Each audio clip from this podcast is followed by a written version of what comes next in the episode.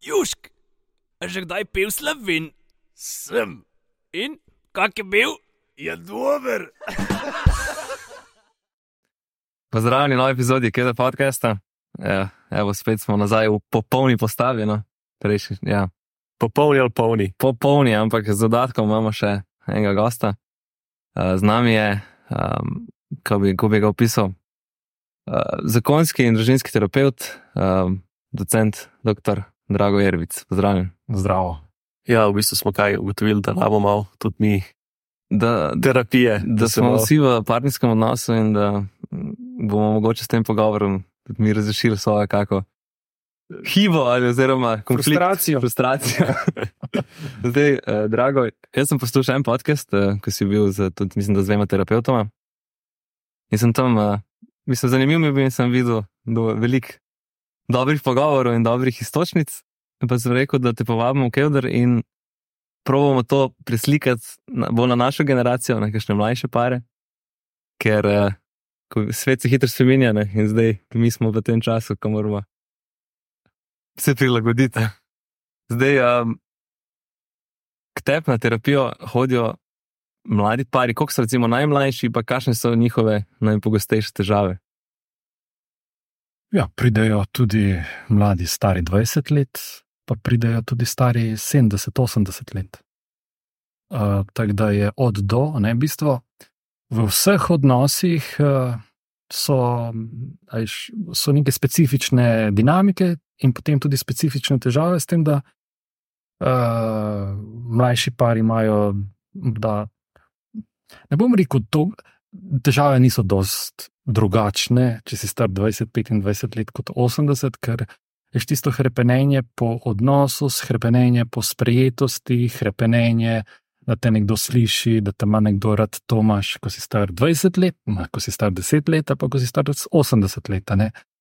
Res je, da si, če si star 80 let, si iz nekega drugega kulturnega okolja, kulturnega časa, mislim, nekega drugega časa, kot če si danes star 20 let. Tako da um, to, uh, kar je morda drugače, ali pa morda bolj izpostavljeno uh, pri mladih uh, parih, uh, je pri fantih ali pa možeh, partnerjih, morda že bolj samoumevno, da oni uh, morajo tudi nekaj na tem čustvenem nivoju uh, narediti. Uh, ne bom rekel, da jim gre veliko bolje, ali pa da nam gre veliko bolje kot vem, 70-letnikom, ampak uh, morda je več tega zavedanja, da je tudi na tem področju treba nekaj narediti. Recimo primer. Zdaj, uh, to zdaj lahko povem gledalcem. eh, Ti ustvarjalci kedra zelo radi doma pucajo kopalnice. Da, recimo, s eno Atejo, ki je star 70 let, ne vem, če je ravno to samo umevno, da on doma pucal kopalnico. Ne, okay, ne bom uh, rekel, da je zdaj to splošno pravilo, ampak tako. Tako da to, uh, ampak drugače, veš, temeljne stvari v odnosih so danes ali pa čez 50 let bodo podobne. Ne? Ker to, veš, ljudje smo to, a te nekdo sliši, razume.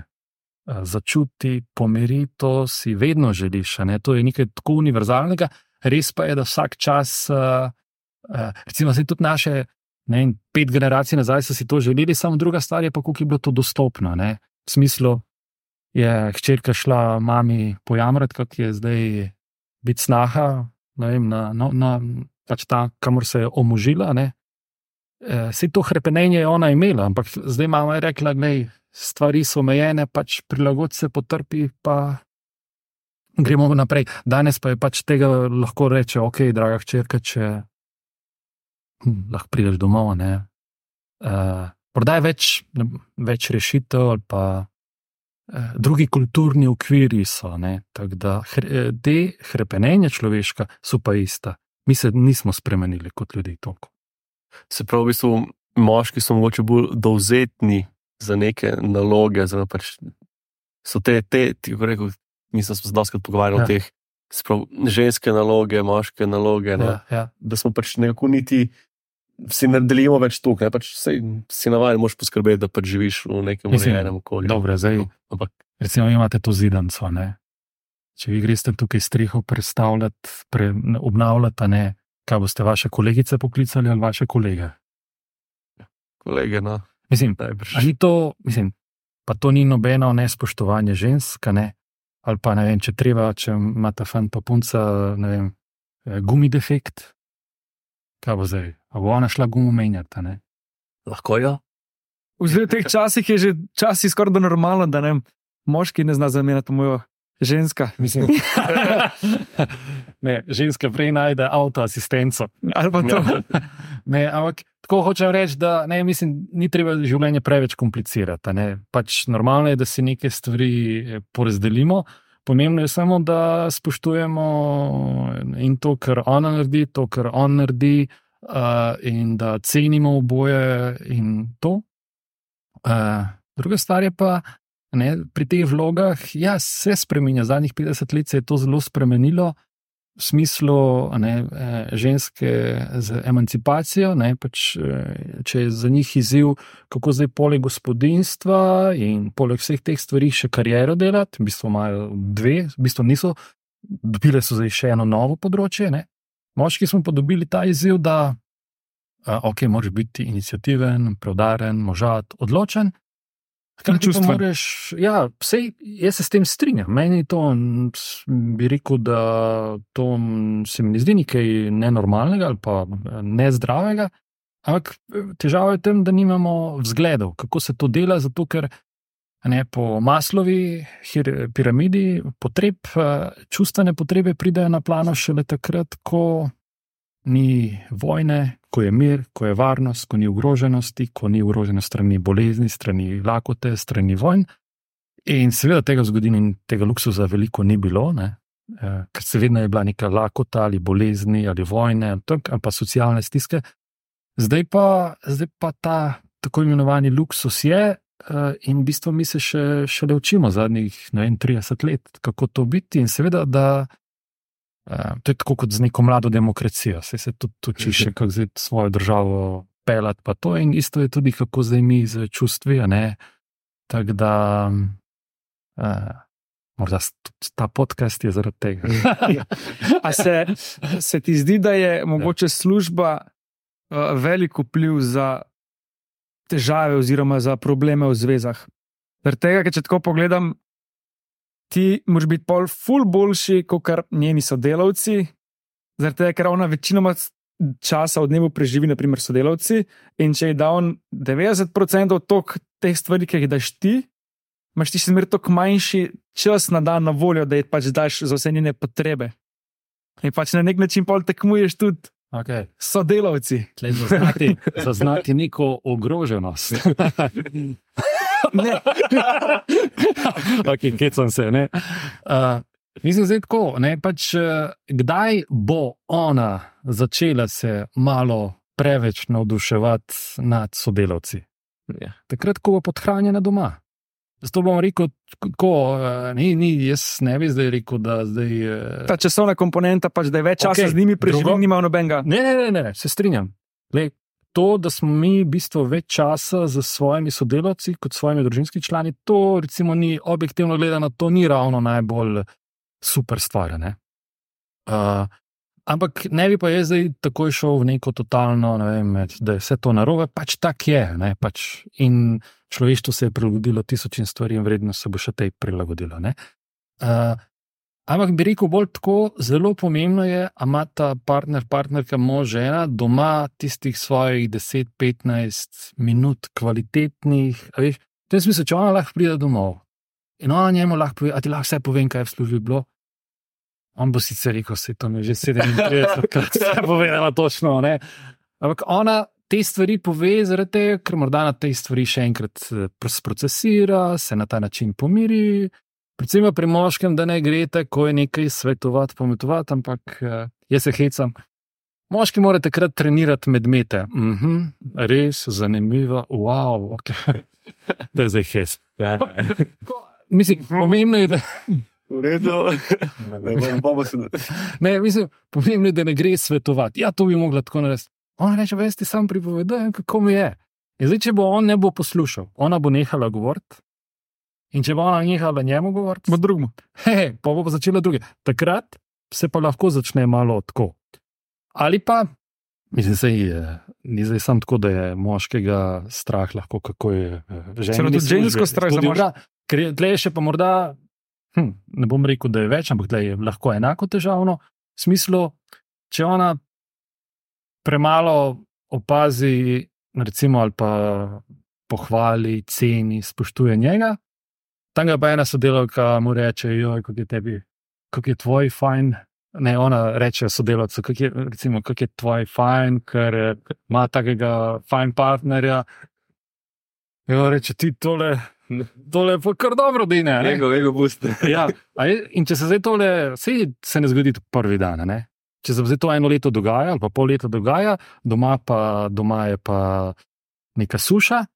Uh, in potem pa vse spravim, se ne čudimo, če se lahko mm, kaj zgodi. Um, A pa niso neki različni vzgibi, naprimer, zakaj gre ženska, da gre ali pa moški. Jaz si tako zmeri predstavljam, naprimer, da ženska, če manjka neke čustvene stvari, da bo pač prej neki, oziroma naredila, rečemo, varanje, medtem ko pri moških je pa lahko neka sam fizična stvar, sam neka privlačnost, ne rabi tudi nok na čustveni. Ja, gotovo različen. Gotovo je pri moškem ta biološki del na prvo žogo bolj izpostavljen kot morda pri ženskah. Ne? Pa ne bom rekel, zdaj, da je pri vseh moških tako, pa pri vseh ženskah tako, ampak recimo malo tega je. Ampak je, recimo, moški bo, ali bi bil kateri od vas, oziroma ali bi šel kateri od vas z vašo punco ali partnerko v odnos, če, ga, če se ne bi počutili cenjene, spoš, spoštovane ali pa vse malo občudovane na začetku z njihovih strani. Ne? In zdaj stvar je tema, ali, ali pa druga stvar, ali bi bile vaše partnerke z vami, če si vi ne bi vsaj v začetku nekaj časa za njih vzeli, nekaj pripravljeni bili poslušati jih in tako. Veš, problem je pa, če mi pol čez čas to malo opustimo. Recimo zdaj, zelo je uh, pri moškem, ne, moški imamo to radi, da nas nekdo tako na nek način. Tudi če se ne strinja z nami, ampak da nas pa vseeno do neke mere pa ceni. Eno spoštovanje ali pa celo malo opazi, tako mislim, hm, to si pa dobro naredil, ne, tako, dober vin si tole naredil. Ne. E, mislim, fajn zidanco imate, ne, tako, mislim, malo tega in je problem, jaz bi rekel, uh, vsaj pri velikih moških, če tega ni, kje bom, a ne, za- zakaj nimamo v politiki moških kvot? Moški nimamo problema se na uh, drevesa limati, oziroma na plakate in tako. A ne, ker ok, zdaj to dobiti neko, neko, neko pozornost, oziroma tako izpostavljenost, upajoč, da s tem človek dobi tudi neko spoštovanje, prepoznavnost, cenjenost. Uh, in če je tukaj, jaz bi rekel, ta del je zelo problematičen, uh, ali pa nevaren, če je moški tukaj podhranjen. Ne. Recimo, moški sistemi, če gledate vojsko, crkvo, to so načine. Neka Ne, lestvica. Na hierarhija. lestvica, jaz sem tukaj. Ne? Ženske nimajo ta, to, mislim, posplošeno rečem, tok te lestvice, ampak a smo mi povezane, se slišimo, čutimo, razumemo. ne? Tako da, recimo, popularna psihologija reče, a, če si želi ženska polepšati življenje, gre vsak dan dvakrat do svojega partnerja, moža, in mu iz, tako iskreno, pa tudi če je za malo stvar, neko tako.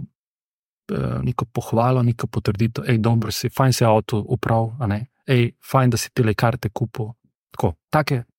In če si moški želi polepšati, uh, Ženski. uh, Poslušajo. ja, dvakrat na dan gre do svoje žene, partnerke, jo pet minut posluša in, in uh, ne komentira. Trenira medmete. Tako, mislim, posluša, ta čas si vzame. Ne? Tako, to bi rekel, to je tako imenovan nek čustveno-partnerski, imunski oklep, ali pa ki recimo en par varuje, tudi če sta lahko veliko ča- časa narazen, kar pa, kar pa ni zdaj super, da sta vsak dan 10-12 ur narazen. Pa v bistvu kvaliteta, ne kvantiteta, bolj šteje. Mislim, seveda, zdaj dva sta lahko uh, cel dan skupaj, ampak to še ne pomeni, da imata kvaliteto. Ja, a ne, ker dva sta lahko skupaj, recimo v družinski firmi ali pa na kmetiji, in je Mislim, to je grozljivo. Ne? Recimo dva na kmetiji ali pa dva v družinski firmi To so delavci skoraj da na in, ste, in se kregata cel dan. a ne. To, to je pa, in recimo posebej na kmetiji je to problem, a ne? uh, ker eh, potem, uh, ja, bom menjala službo. Ja, kam boš menjala službo, če je služba in družina ista stvar? ne? Tako da, tako hočem reči, je, uh, pomembno je n, še vedno skrbeti tudi za kvantiteto, da sta dovolj časa skupaj, hkrati pa ne pa se spet zanašati samo na kvantiteto, če pa potem ni nekega prijetnega časa. Ne. Bolj da si eno uro z njo, tako kot se zagre, kot pa da sta cel dan skupaj. Ja, pa predvsem biti danes se tudi partnerska terapija ali pa ta partnerska psihologija dosti usmerja v to, kako skupaj biti, pa da je znosno za celo družino in za njo, in za njo, in za otroke, oziroma pač kdo tam živi. Ne? Kako je pa zdaj s tem, recimo, dva partnerja se najdeta, se zalupta, sta skupaj in sta iz diametralno, recimo, različnih družin. Uh -huh, uh V -huh. eni družini so se pogovarjali, eh, mislim, veliko Ja. ja. pogovarjali, imeli Ja, ja, veliko ja, te ja, ja, čustvene podpore. Uh -huh. V drugi družini, ne vem, je pa, ne vem, mama, fotopijanc, ne vem. Ja, ja, ja. In se je, ne vem, otrok zaprl vas, na primer. Mhm. Kako, kakšne so pa, ne vem, tehnike, kako se partnerja lažje pogovarjati? težke. uh, ja, zdaj, ponavadi je tako, da itak si ti je všeč nekdo, ki je iz malo drugačnega okolja kot si sam, čeprav potem kasneje oba ugotovita, da vendarle, tudi če je na zunaj izgledalo, da sta iz zelo različnega okolja, vendarle nista iz tako različnega okolja. Zato, ker že po teoriji ti se ne moreš zaljubiti v nekoga, ki je zelo, zelo. Uh, ču, v čustveno drugačnem okolju živel kot si sam. Ja, lahko na zunaj, recimo, jaz rečem eh, neke scenografije družine, ne, oziroma neke kulise družinske. Ja, ona je iz totalno umirjene družine, vse poštirkane, on pa iz totalno kaotične družine. Vse tako je izgledalo. Ampak tisto, kar nas zelo globoko določa pri izbiri partnerja, je, kako se je ona doma počutila v svoji družini, kako se je on počutil doma v svoji družini. Ne lahko sta se pa počutila oba prezrto.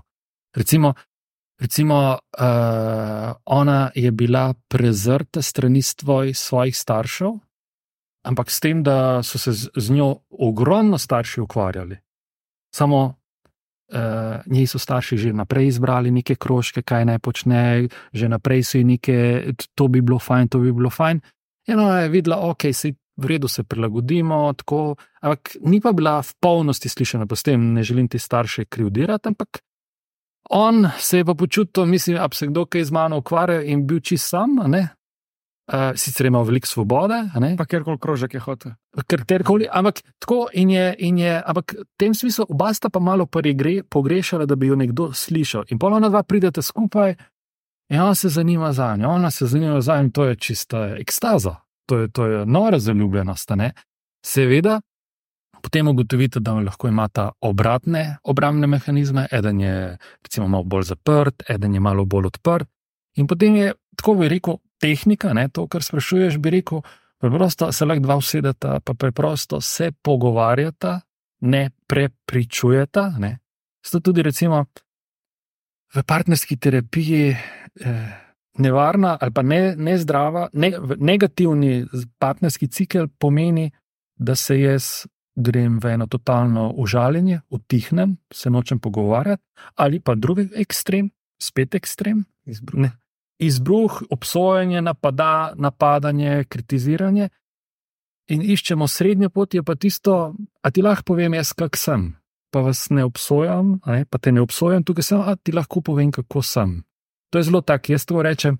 To je tako, kot da si ne vem, dve utaborjeni eh, vojni liniji, ne, in zdaj, te, zdaj ti dajo belo zastavico, vzamejo ti orože in rečejo: hej, a šel ti na drugo stran, se malo pomeni, če bi mi to malo prekinili.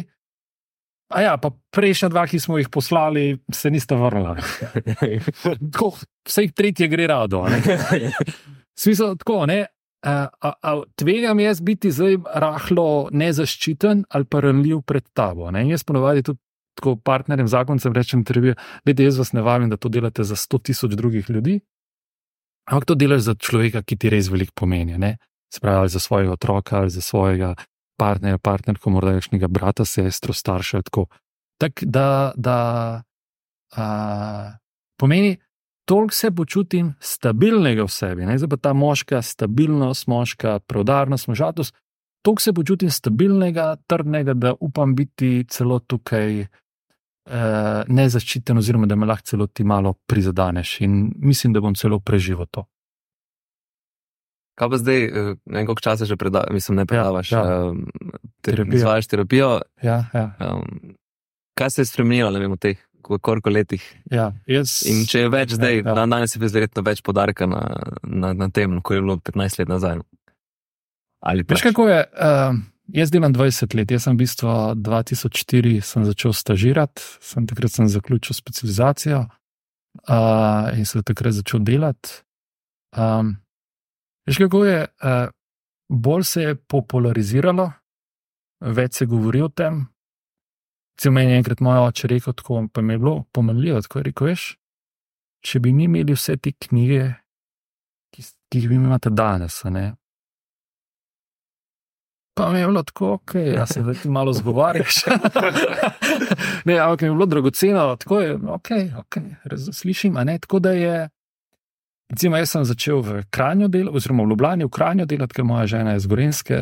Um, in sva tam bila prve tri leta, ne, tam smo tudi delali veliko, pač delali smo tudi en program z nasiljem. Tako, uh, tako, ampak jaz sem pol polagoma tudi videl, sem, da morda sem kot terapeut lahko največ dam, ali pa mi morda najbolj ležijo, ali pa tudi ljudje so začeli tako prihajati, v bistvu največ partnerskih terapij.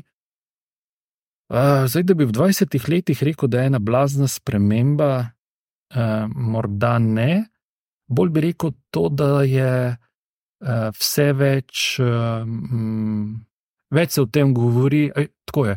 Več, ko je ponudbe, več je popraševanja, več, ko je se govori o tem. Uh, to je, to bi. Ja, Ja, pa recimo, če, če Ja, ja, zdaj ja. prej ja, pari spoznajo, da rabijo mogoče strokovno pomoč, ko so včasih. Ja. Ker verjetno tudi, ne vem, če bi to vprašal naše starše, je ono, o, na terapijo hoditi, Ja, pa ni ja, v redu, ja. pač ni nek tabu, skoraj ne pogovor. eh, eh, Razmišljam, čeprav še vedno veš, tako iti na terapijo. Tako bom rekel, veliko ljudi se zaveda, da bi morda bilo dobro, ampak to je tvegano. Veš. To je zdaj tako. Veš, recimo, veliko ljudi ve, mora iti k zobozdravniku, pa odlaša. Veliko ljudi ve, mora iti na pregled, kaj ti vem, prostate, oziroma pregled ne vem, črevesja, pa ker jim je to zoprno, pa ne grejo. Ne? To je ena stvar. Druga stvar je, kar zelo veliko moških reče. Uh, prišel sem sem, zato ker je ona težila, ampak itak, tle se nič več ne da narediti. Pa sej uh, moški, ki je že recimo čisto upal, da bi ga sploh kdaj kdo lahko slišal, razumel. Ne? In zdaj, itak me že doma žena kritizira. Itak sem se že navadil od doma, iz partnerskega odnosa, da me, žene ne, da me ne slišijo, pa se konec koncev, pa se ta žena, je morda se je korektna, jaz sem tudi svoj patron. In bolj, ko pride na terapijo, veš, tako en tak gard, pa, ko ti vidiš, ko on ugotovi, da ga ti ne napadaš, da tle ni en to neko svetovanje, v smislu, da, okay, morate, da je to pranje možganov, da je to pametovanje, ampak enostavno radi bi slišali, razumeli, zakaj vi v določenih situacijah ne, tako reagirate, ker verjetno se ne želite tako, zakaj on ima neke izbruhe, zakaj on, ne vem, eh, se vsak petek zvečer napije, eh, pa, pa ve, da je eh, sranje, ve, da je ne vem. eh, In, in zakaj se on ne more drugače sprostiti, zakaj. Uh, veš, tisto, jaz vem, da ne smem to narediti, vem, da bi bilo prav tle, ampak zakaj se vedno znova to naredim? ne? In uh, si ga ok, tle pomagati razumeti. ne? In potem je moja izkušnja taka, da moški, ki prvič pride na terapijo s partnerko, da 20% teh moških redno hodi z, z, z svojimi partnerkami na srečanja. Ne? V bistvu zelo radi hodijo, ne? tako. Ampak ena stvar je, ne? moški bomo sodelovali v, nek, v kakršnih koli programih, če bo, ne bo ogroženo naše spoštovanje, če nas bodo, pri, ne da se z nami strinjajo, ampak da so približno korektni do nas, da nas ne obsojajo, kritizirajo, sramotijo, pametujejo, ponižujejo, diskvalificirajo. Če tega ni, ok. In se mi zdi, da to je zelo pomembna naloga terapeuta, če zna spostaviti to, da se ta moški, njegova amigdala v srednjih možganih, center za procesiranje ogrožena, je umirjena in on reče: Ok, ti tole, tole je pa v redu. Ne? Kaj pa sama, če je ta recimo, par terapeutu, Ja. verjetno en od partnerjev očita, da je Ja. ja. terapeut pristranski. Ja, A je ja. mogoče praksa, da bi šel vsak posebej par seans, Po drugo potem mnenje. pa, Mhm, mhm, mhm. potem pa skupaj. Ne? Pa, veš, kako jaz, jaz nimam izkušnje, da bi, eh, da bi nekdo omenjal, da sem pristranski. Oziroma, celo tvegal bi mnenje, da če mi nekdo res, eh, tako res vedno prej mi očitajo, prej mi očitajo, kot da zdaj skušamo malo stvari zglihati. Tako, Mediator. Ja, v tem smislu, ne, halo. Uh, on je mene prevaral, ne jaz njega. Mislim, zdaj sem kot da sem jaz zdaj večja hudodelka kona. Ne, sreko, ok. Uh, v tem smislu, uh, um, rekel, ne, niste vi hudodelka, ampak skušamo gospoda razumeti, ker je morda ona malo razočarana, ker je morda pričakovala, da bomo bolj usekali po njemu. Ne. Seveda je Na to- sodbo prišel. Kako? Da ni na sodbo prišel. Ne, Ja, ja, ker to je že doma doživel. ne, mislim, tako, tak da uh, je morda v začetku je veliko krat ta pomislek. Veš, kakšen pomislek je?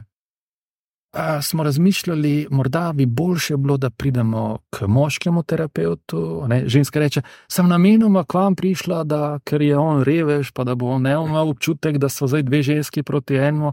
Zdijo, gledajte, sej, če bi prišli vi k ženski terapeutki in če bi, bi jaz mislim, da bi enako se počutil lahko on varno ali sprejeto kot v moškem terapeutu. Uh, Tako da, uh, seveda, pri, zgodi se pa, recimo, da bi šla. Recimo, zgodi se tako, da na začetku, včasih greš ta, uh, mm, morda k večjim terapeutom na prvo srečanje, da vidita, kje bo najbolj ok, ne? in potem pa to uh, zaločena mnenja. Ker, veš, tako je. Uh, če bi jaz zdaj bil nek uh, svetovalec, nek coach, pa ne, niti ne co- coach, ne, ampak svetovalec, jaz, ni, jaz le ne govorim, ti imaš prav, ti pa imaš narobe. Ne, ampak jaz rečem, ok. Recimo primer. Uh, ti rečeš, a ne, jaz 70% je vse po tvoje. a ti rečeš, ne, 70% je vse po tvoje. Ok, kaj je za me merodajno? Jaz bom rekel, ok, dajmo videti, pa bomo pol razsodili. Ampak jaz rečem, ok. Se, se mi zdi, da tako sam pri sebi, jaz tako razmišljam, ok, meni se zdi, da ta oba, ta vidva, oba zelo pristna, iskrena. Se, ok, zakaj tako? Okay. Subjektivna, vajno subjektivno doživljanje je res tako. 70, vse po njegovo, vse po njegovo. Ne? Rekel, ok, dajte mi malo razložiti, ker me zanima, mene zanima, kako vi to doživljate, da, kako je, če je vedno vse po njegovo, ne, ali pa kako vi doživljate. Ker jim rečem, recimo, gledajte, mi imamo, ne vem, probaš hrano ali pa jaz to, to prispodobo imam. Vzameš župo iz istega jušnika, vsi štirje jo vzamemo, ena bo, preslana, ena bo, čisto ok, ena bo, pa premalo slana. In to se spremo. Siko, ok, neko je objektivno dejstvo, to solijo tej župi, nekaj je pa subjektivno doživljanje. Kako pa, in, in si rekel, ok, ne, jaz vam obema verjamem. Ampak, in pol te malo gledate, jaz čist obema verjamem, da tako doživljate. Zdaj mene pa zanima, kaj je vas nagnilo, da tako doživljate, kaj je vas nagnilo, da tako doživljate. In potem, ko ona dva začneta o tem govoriti, potem sploh ni več fora, in tudi ona dva pol pride, za vse ne gre za to, kdo pravi, ampak se mi dva sploh slišiva. Uh, ker recimo primer, greš ta dva na dopust, ne, uh, en bo rekel. Ja, jaz želim, kaj bomo prvi dan delali, kaj bomo drugi dan delali, kaj bomo četrti dan ob sedmih zvečer delali, malo pretiravamo. Ne? Ker, ker, ker, ker sicer je meni to tako zelo tesnovno, če gremo na dopust brez tega. Ta drugi bi rekel, pa alo, v službi je vse tako naštempirano, da imamo tam, kar pride. Jaz rečem, ok, ok, Jaz mislim, da ne gre sploh za to, kdo, ima, kdo prav ima, pa kdo narobe, ampak vidva, za vas je dopust, da približno, vas, za vas je sproščujoče, če veste za plan, za vas je pa sproščujoče, če je čim več spontanosti. Zdaj, kje mi dva lahko prideta drug nasproti drugemu? Ne? In potem tako, včasih uh, jaz tako terapijo doživljam kot uh, uh, dušenje nekih telečjih zrezkov. tako na malem ognju, dolgo časa, da postanejo mehki. Mislim, tako, in kaj to pomeni? Recimo diplomacija. 20 krat se morajo srečati, da se pa neko malo stvar dogovorijo. Rečeš, da se bi lahko pol ure srečali po telefonu, v Zoom, pa je rešena. Ja, ampak eno stvar zmehčati, rabiš nekaj časa. Ne? Tako da se mi zdi tukaj prav, a jaz slišim tebe. Ne? Tako slišim. Recimo, nam so rekli, kot uh, ko smo študirali, tistega klienta, ki ga najmanj razumeš. Tistemu klientu se boš mogel pustiti najbolj poučiti. Tistega klienta boš mogel največ poslušati in veš, da ga doživiš ti čist v njegovi realnosti. Ker, recimo, ne vem, ne, recimo, jaz nisem v začetku, ne, jaz nisem razumel, Ajde, razumel sem, če se je nekdo prenajedel, ne? ker se neko, aha, to zvečer pač na mestu, da poješ pico, pa pol poješ tri pice. Ni mi znano to, da tri pice poješ, ampak da pa pico, pa pol poješ, to je pa rahlo znano, da pa ni zdravo, ne eno, ne drugo, me oboje. Ne? Si bo, da pa ti nič ne ješ, pa še izjutraj nič ne ješ, pa še v podne nič ne ješ. Tako tole, v kakšni moji sošolki je to bilo zelo razumljivo. Jure, zato tudi, se je postil. A ti si se postil? Ja, A, ok, ker sem poslušal tole. A, okay. ja pravno sem. ja, ja. Mislim, začet, čistko iz heca je bilo to, ne? da vidiš, koliko časa lahko. Mhm. In pol na koncu je bilo nekaj, če okoli 50 ur. no. Ampak pač iskreno je, glih to si lačen ta drug dan, kot si bil prvi popovdne. Nič ni huj, huj ti sam zaradi tega, ker veš, da ne smeš. Kokrat je tako, da pozabiš šest, imaš gužvo v službi, pa nisi do 12 ur, pa nisi pot to klačen, kot pa pač, ko veš, da ne smeš jesti. No. Koliko pa pride do spremenjenega stanja zavesti, tako po 20 urah, ko, a, ko, ko enkrat tisti prvi zid prebiješ? Ne, vem, jaz sem tako gledal na to, kot na neko tekmovanje sam s sabo. Okay. Okay. Verjetno si bil tudi fizično bolj slaboten ali ne. Ne, nisi noč, mislim, to je spet. No, če poješ tri pice, si bolj slaboten. Ja. definitivno. A, Noč ni bilo nekaj, da bi rekel, zdaj drugače. aha, aha, aha. Tudi Henger nisi bil pač tako jezen. Mogoče si malo bolj razdražljiv. To ja, ampak pa, ko se enkrat tega zavedaš, ti je to smešen. Ker sem Mhm. pač sami sebe, haha, tako nisem vedel, da sem mal hengre, ampak ni, nisem nič posebnega. Jaz zdaj tako kot takrat vsak ponedeljek ne jem. Ja, jaz sem to od nedelje zvečer do torka. Do torka zjutraj, ja. Bravo, bravo. Edino zdaj, ker sem bila na dopustu, pač tega nisem, ampak drugače pa ja, od takrat en, enkrat sam nisem. Reč pa nič težkega. No. Kaj se- Ker, je- ker to je ta intermittent fasting. Ne, tisto je pa, ker ne ješ 12 ali 16 Ja, ur. Ne, ne, one časovni okvir, ne, 8 ur recimo samo ješ. Ja, ja, ampak ni, ni, nekaj, nisem ekspert za to, ne? ampak nekaj je, da ti dnevno, recimo 8 ur ješ ali pa imaš tisti okvir, nekaj pa, nekaj pa lahko tedenski okvir. Da ti ješ 5 dni, 2 dni ne ješ, ali nekaj. Ampak mm, mislim, ker načeloma jaz Ja. ja. tako doskrat tako. ja, ja. Imam ne vem, večerjo do 8, pa pa itak do naslednjega dneva do 11, 10, 11, kaj malce ne jem. Mhm, mhm. Ampak itak se navadim, mislim, si ni nič tazga. Skratka, ti ne bi imel s tem Ne. težave razumeti te ljudi. Prej bi imel težavo to, da pač ja, Ja, poješ ja. tri pice. Ka, Ne, enkrat na teden je baje dobro, da ne Ja. ješ, oziroma sem tekoča, da pač če ne drugega spuca smo čremo. ne. Glej, jaz, jaz to tako se mi zdi že stara kultura. Recimo, ali pa, ne, eh, pri nas smo imeli ne, pač eh, ta eh, petek, ne, postni dan. Ne, in se to ni bila neka, verjetno, prvo neka strogo religiozna zadeva, ampak pa so to nekaj, kar bi bilo zelo človeku vredno, pa so še pa to dali ven, morda religiozni okvir. Ne. In to se me strinja. Jaz, uh, uh, jaz sem v COVID-u, sem imel eno to uh, je žena nekaj poslušala, uh, ena pa sle, dva, dva z dolenske sle sta imela, pa se malo poznamo, pa, pa je to zvečer poslušala ta predavanje, se mi kot ti tole je po meni zanimivo.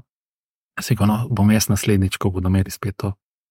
Uh, pa, pa je bilo tako, da ja, to za pet dni traja, sem pet dni si na, na čaju, pa na neki juhi. Ne. Nas pa prek zuma smo bili, ne. Vsega ne bom zdaj le se lagal, ne. Pa dobro, to bom pa že zdržal, ne. In, ampak tudi nič kave, nič pravega čaja, ne. In potem uh, si imel vsak dan možnost se še eno uro pogovarjati, bil je pa tako, se pa, je pa bilo treba se sklistirati. Ne, da, mislim, da če, če se ti po en teden ne ješ, uh, ker če ti nehaš jesti, mislim, da se ti prebava ustavi in tisto, kar imaš v Ostane noter. črevo, ostane noter in to so strupi in to ni dobro. Da, to je tako, če si ti se dlje časa postiš. Več kot pet dni, če se ja, prav ja, ja, da moraš sklistirati, spucati. ja. Ja. Ja, Tako. In, uh, in bolje je tam kriza drugi dan, kriza tretji dan. Ista S tem, kriza, več. iste- Ista kriza, tretji dan, četrti dan kriza. Pa se s tem voditeljem vsi že prečekal. A si kaj, eh, koliko si ti kave prej spil? Ja, sem rekel, velik, tri, štiri kave. Rekel, ti imaš krizo, ti imaš otegnitni sindrom od kave. Ne? Je meni je tako zdelo, tiste, tako da nisem kave, in sem se rekel, če sem se tako matral, zdaj bom pa nadaljeval s kavo še naprej, da je ne bom pil. Pa sem pol kakšne pol leta držal. Ne? Tako ni to bila problem hrana. Uh, ampak, uh, ker že enem je pol neke, tam so bili neki recepti za juhe, pa pol on je res te juhe tako naredila, pa in je tako fajn. Uh, in uh, po pol leta sem pa kave, pol nisem pil. Kaj ste, ča, si čaj črn? Ne, nič, mislim, ne, ne, ne, ne, pol nisem. Uh, a ja, morda čez kakšne 3-4 mesece tega pravega čaja sem kar nekaj spil, ker imam nizek krvni pritisk in pa se meni tako včasih čez dan rado spija. Ne? In pa sem tako, ampak pa sem spet podlejal kavi. Kaj pa sam Ja. poklic terapeuta? ne, Ja. Zdaj, jaz sem mnenja, ne, Ja. ja. sem še šel na strokovno pomoč, sicer ne, Ja, ja. predvidevam, da rabiš nek čut med, ne samo izobrazbo. Ne. Zdaj imamo enega um, bivšega gosta, ki je bil duhovna podpora v vojski. ne. In uh, jaz zdaj mislim, da je zdaj odprl svojo terapijo. Ja, ne, mislim, da je kaj lo- logoped. Nekaj, Ne, Ne, isto ima. Uh, Lo- veš ne vem kaj, kaj. je logoterapeut, Ja, mislim, da to nekaj. tle z dolenske. Ja. Kaj- Ja, ja, ja, ja, mislim, da je on logoterapeut, oziroma v teh vodah. Tako, No, glavno, kar ja, se hoče ja, povedati, ja, da ja, ja. ni strokovno izobražen, ampak uh, ko sem se pogovarjal, smo se pogovarjali z njim, sem dobil tak občutek, da ima ta talent za, Mhm, Za mhm. poslušati. za poslušanje. Ja, ja. Uh, ne, zdaj je ta Slovenija se veliko govori o tem zakonu, predlogu zakona o psihoterapiji, in potem se veliko z, z različnih koncev študira te raziskave, ki so v svetu. Je zdaj ena raziskava, uh, raziskava prišla ven, da kaj je izjem, ali pa kaj je ena izmed najbolj ključnih uh, stvari za psihoterapeuta. Ne? In uh, ni študij, ni eh, vrsta terapije, ne, ker je kar tak bil malo, a tak lahko malo frustrirajoče za, za, za neke modalitete, neke te strokovne združenja, ampak da je izjemnega pomena eh, osebnost eh, posameznika, psihoterapeuta. Ne. Skratka, bomo rekli, eh, tako, a ne, zato jaz včasih študentom tako v hecu rečem, Seko, če organizirate dobre zabave, dobre žurke. To je dobro. Pa seveda pomeni, da tudi eh, radi ljudje k vam pridejo. To ni slaba prognoza za vaše morebitno kasnejše terapevtsko delo. Ne? Uh, zato vse vidite, eni ljudje nimajo te izobrazbe, ima se v študentskem domu ali pa ne vem, to se kar ljudje k njim hodijo, nekaj govorta. Ne? Tako da, tak da nekaj je, pa enkrat mi je en kolega rekel, iz, iz časa študija, je rekel, hej, pa kaj je s tabo narobe? Pravi, kdaj cel, cel dan ljudje hodijo jamrati. Tako, v smislu, uh, tako, ne, pač gnojnico izlivate, ne, tako se je on izrazil, ne, pač s kmetijstvom se ukvarja, ne, tako. Pravi, in, uh, tako, in je, zato tudi rečejo nam tako, tako imenovani, da smo neke vrste traumažanki. Ne, ker eh, kot da se nevarnost je, če se stalno bi eh, rabo s tem, ne vem, s tem eh, eh, če, ti, če bi ti kar naenkrat to potreboval, se stalno s temi stvarmi srečevati. ne. Uh, to je tako, kot da ne bi nekdo mogel več brez službe funkcionirati, ne, ali pa bi mu bilo preveč dolg čas. Dobro, more, mo, človek te mora zanimati, morajo te, ne vem, psiha te mora zanimati, ne vem, ti procesi te morajo zanimati. To je tako, kot ne vem, nekoga zanimajo, kaki, ne vem, tkivo, ne. pa se pač z tkivom cel, ali pa z nekoga stroj zanimajo, pa se bo.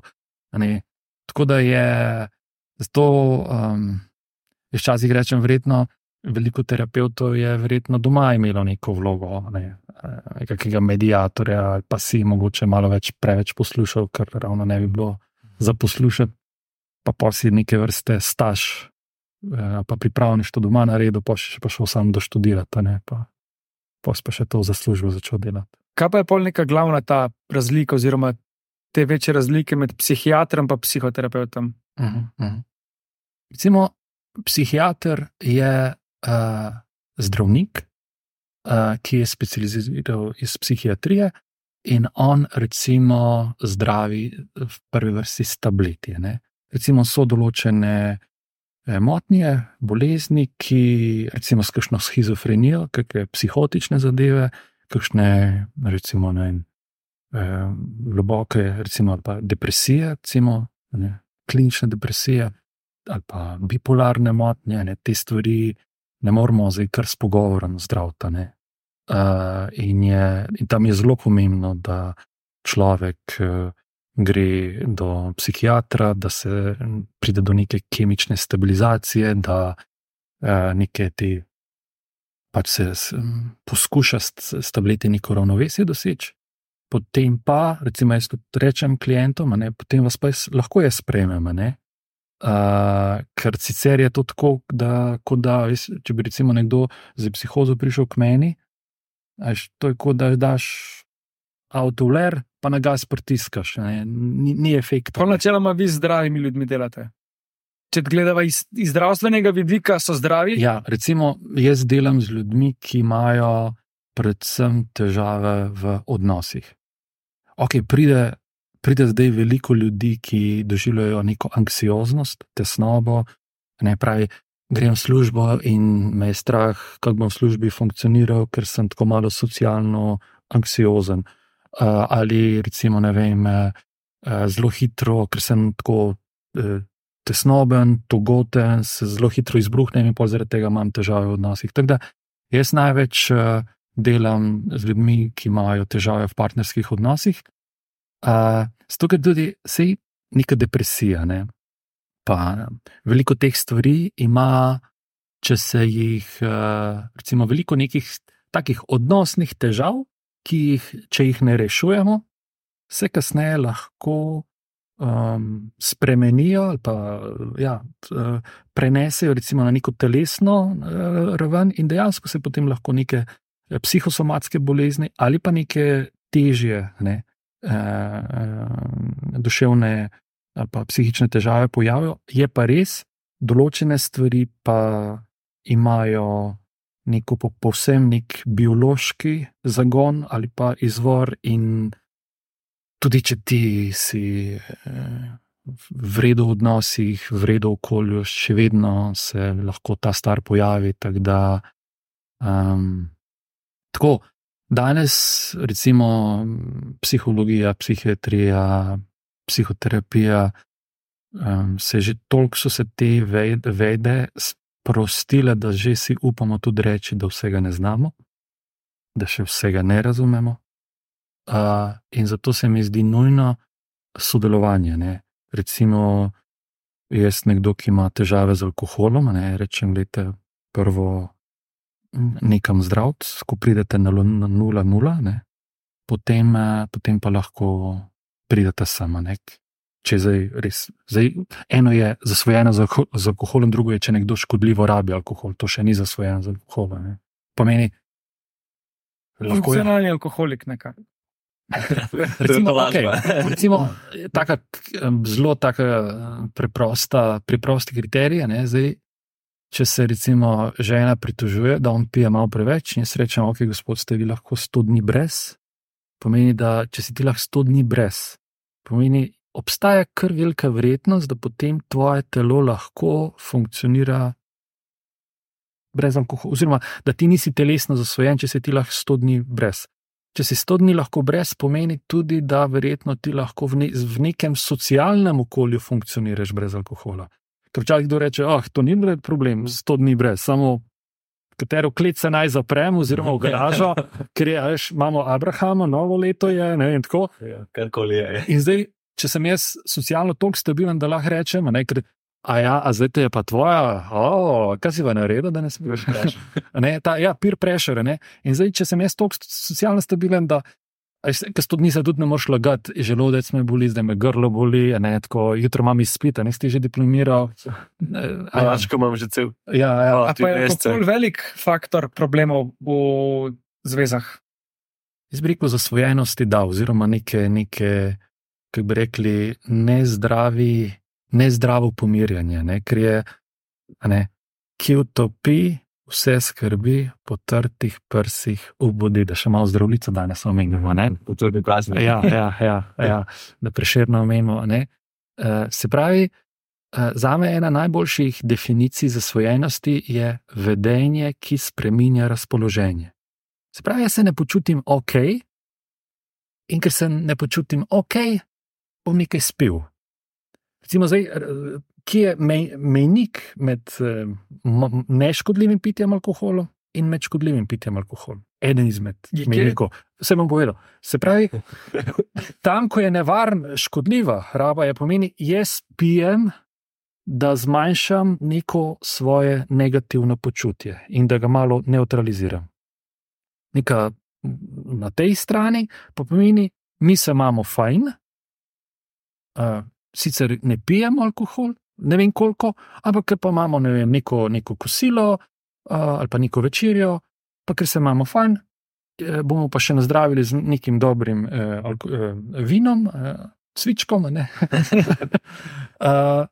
ja, tle moramo zdaj od cvička govoriti. ne, uh, pomeni je pa to, ni. Da zdaj jaz eh, odrivam stran negativne občutke, ampak mogoče samo še ujačam neke pozitivne občutke. Ne? Pa spet ne v, v pretiranih stvarih. To, to je recimo ena taka, taka ker so neke kulture, uh, ki spijo, ali pa države, ki spijo več alkohola, morda kot mi. Uh, pa, ni, pa ni nujno, mislim, da eh, francozi spijo, ampak ni nujno, da imajo več težav z alkoholizmom kot mi. Ne?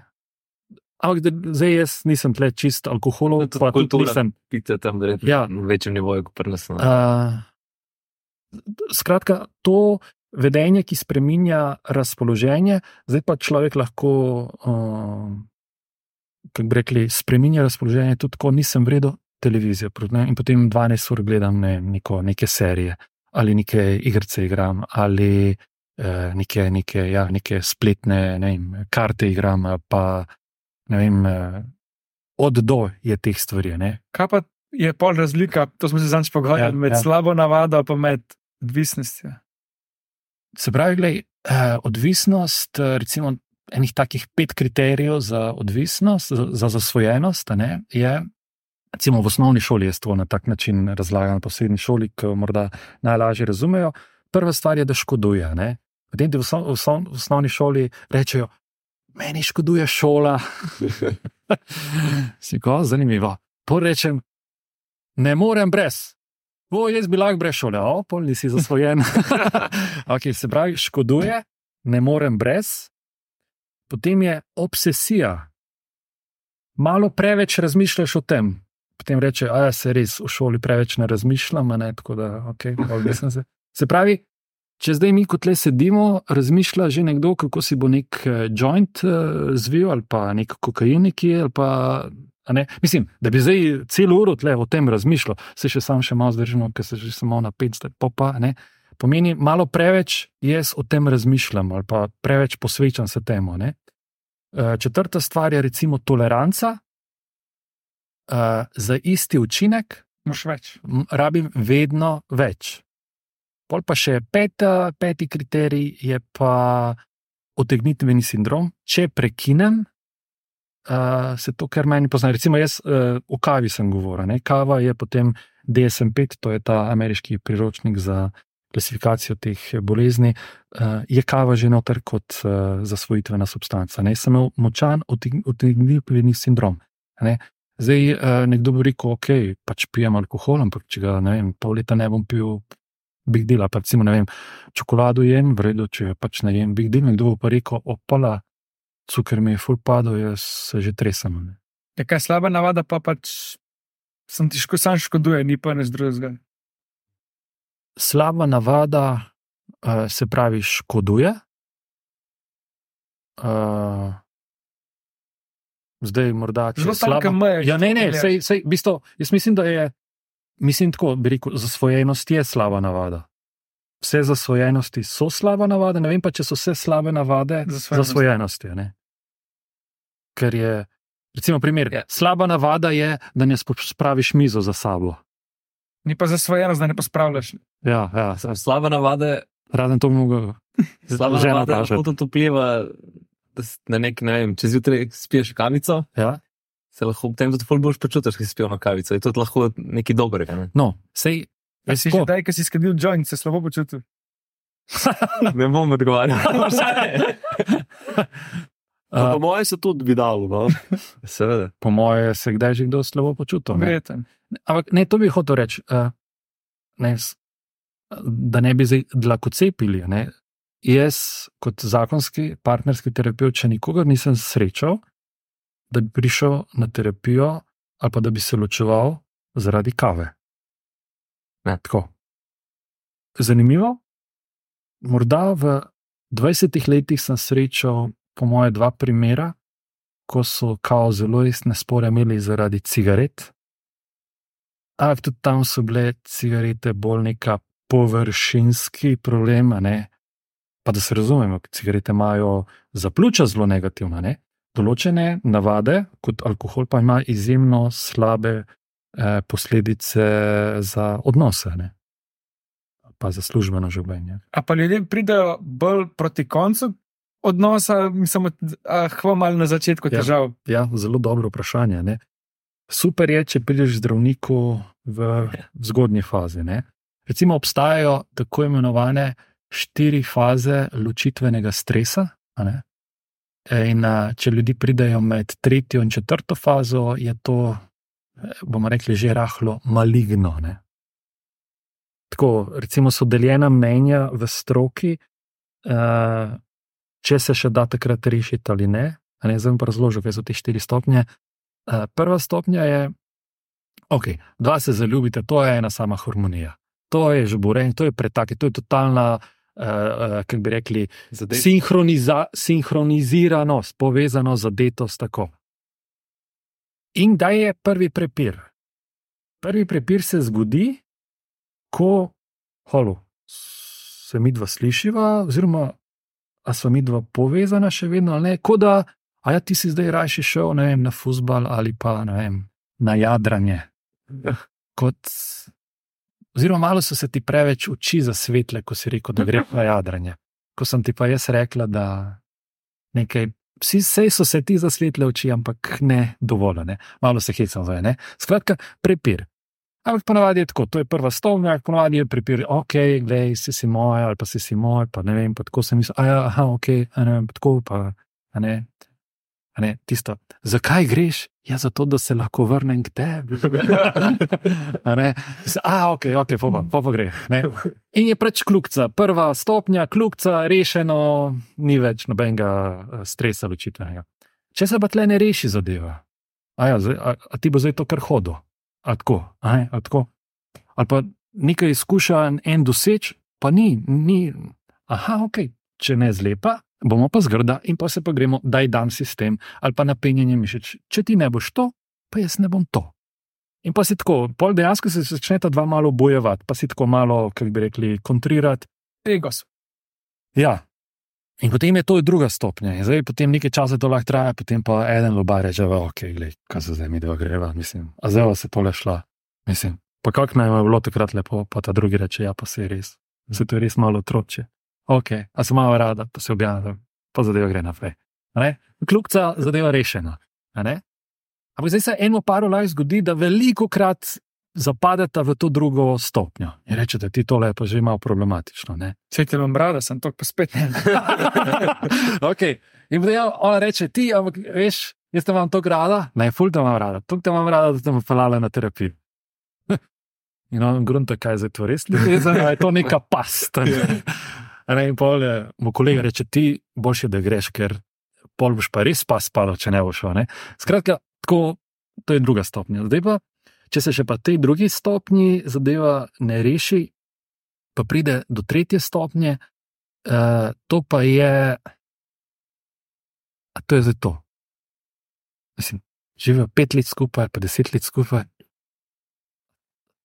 Ko bo še za 40-50 let gledalo. To, to, to ni preboljivo, ne? to ni užitno. Ne? In gre človek v neko apatijo, v neko brezvoljnost, neko blago depresijo, je čustveno rezerviran, umaknjen več časa. Je on v službi, ali pa bolj se usmerjata, ali kar se tiče otrok, ali pa se zgolj logistični pogovori, tako se odmakneta. Ne? In zdaj, če prideta ona dva, največkrat pridejo tle med drugo in tretjo fazo. Ne? Ker je pomeni kaj, pridejo zato, ker se več ne čutiva. Ali pa tako malo, ali pa se strah, ne, eh, recimo enega postane malo bolj, ali pa malo prej strah, da bo to šlo še sam narazeno, ne, eh, čustveno. Ne. Če pa še na tej tretji stopnji eh, ni neke razrešitve, ne, potem pa pride četrta stopnja, to pa je tako imenovana čustvena razveza.